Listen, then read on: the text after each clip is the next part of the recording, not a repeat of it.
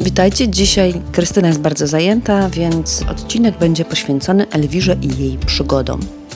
Elwira, chodząc po świecie swoimi drogami, napotkała na jednej z nich durszlak. Tak bardzo się jej ten durszlak spodobał, że postanowiła spędzić z nim kawałek życia. Taki spokojny i miły, można różne makarony przecedzić nim i owoce też można umyć.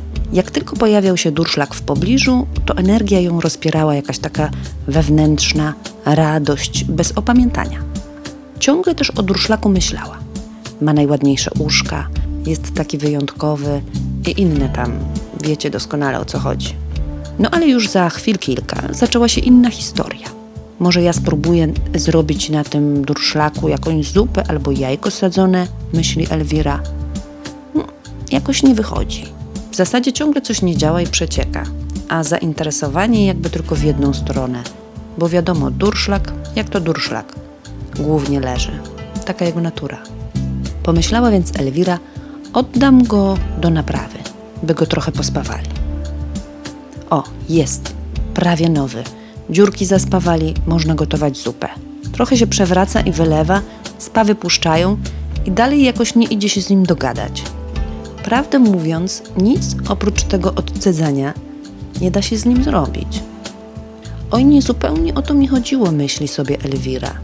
A i durszlak też niezadowolony, bo te dodatki jakby nie jego i uwierają strasznie. Ale Elwira uparta. Znów naprawia go z nadzieją, że w końcu będzie z tego durszlaka patelka, garnek albo i coś jeszcze. Czy jednak da się zrobić z durszlaka patelkę? Zauważyliście zapewne u innych, bo przecież w żadnym wypadku nie u siebie, że zdarzają się takie przypadki. Spotyka człowiek człowieka. Po jakimś czasie od ich zakochania widać z zewnątrz doskonale, że jedna z osób to jakby nie bardzo ani zainteresowana, ani zaangażowana. Druga natomiast stara się, buduje, wkłada wiele energii, albo nawet myśli sobie: po ślubie to się zmieni będzie zupełnie inaczej. Po ślubie i moje człowiecze potrzeby w związku będą brane pod uwagę. W całości pomysł z piekła rodem, bo po pierwsze, jakie mamy prawo do tego, by zmieniać drugiego człowieka? Czy ty byś chciał lub też chciała, by ciebie nagle ktoś przerabiał na kogoś innego, kogoś, kim nie jesteś? Po drugie, czy to w ogóle się tak da? Kogoś przemienić w innego, wpłynąć tak na niego, by się zmienił. Zwróć uwagę, jak trudno siebie samego zmienić, wprowadzić coś nowego, a coś słabego odrzucić. A co dopiero zmienić kogoś? Zmienianie kogoś, kto nie chce się zmienić, to wyzwanie ponad ludzkie siły. To najzwyklej w świecie strata energii i czasu.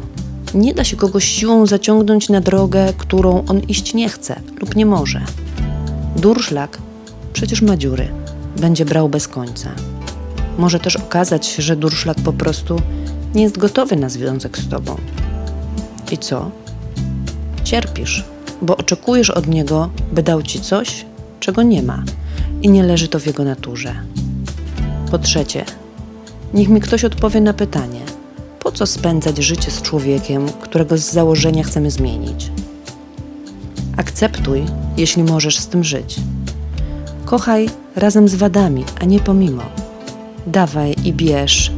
A jeśli dojdziesz do wniosku, że nie o durszlak ci w życiu chodzi, a mimo to z nim spędzasz życie i kierujesz się misją poprawić partnera, umilić mu świat, zrobić lepszym, ciekawszym, bez zaangażowania w proces tej drugiej strony, to najprawdopodobniej ty sam, miły człowieku, potrzebujesz przejrzeć swoje ciemne zakamarki, przewietrzyć głowę, by sprawdzić, co takiego jest w tobie, że na siłę chcesz życie spędzić z kimś, kto być może wcale tego nie chce, albo też nie jest na to gotowy. Bo durszlak, nawet jak się go przemaluje, i tak durszlakiem pozostanie. I jak to mówi jedna moja przyjaciółka, i co zrobisz, jak nic nie zrobisz? Ciałko.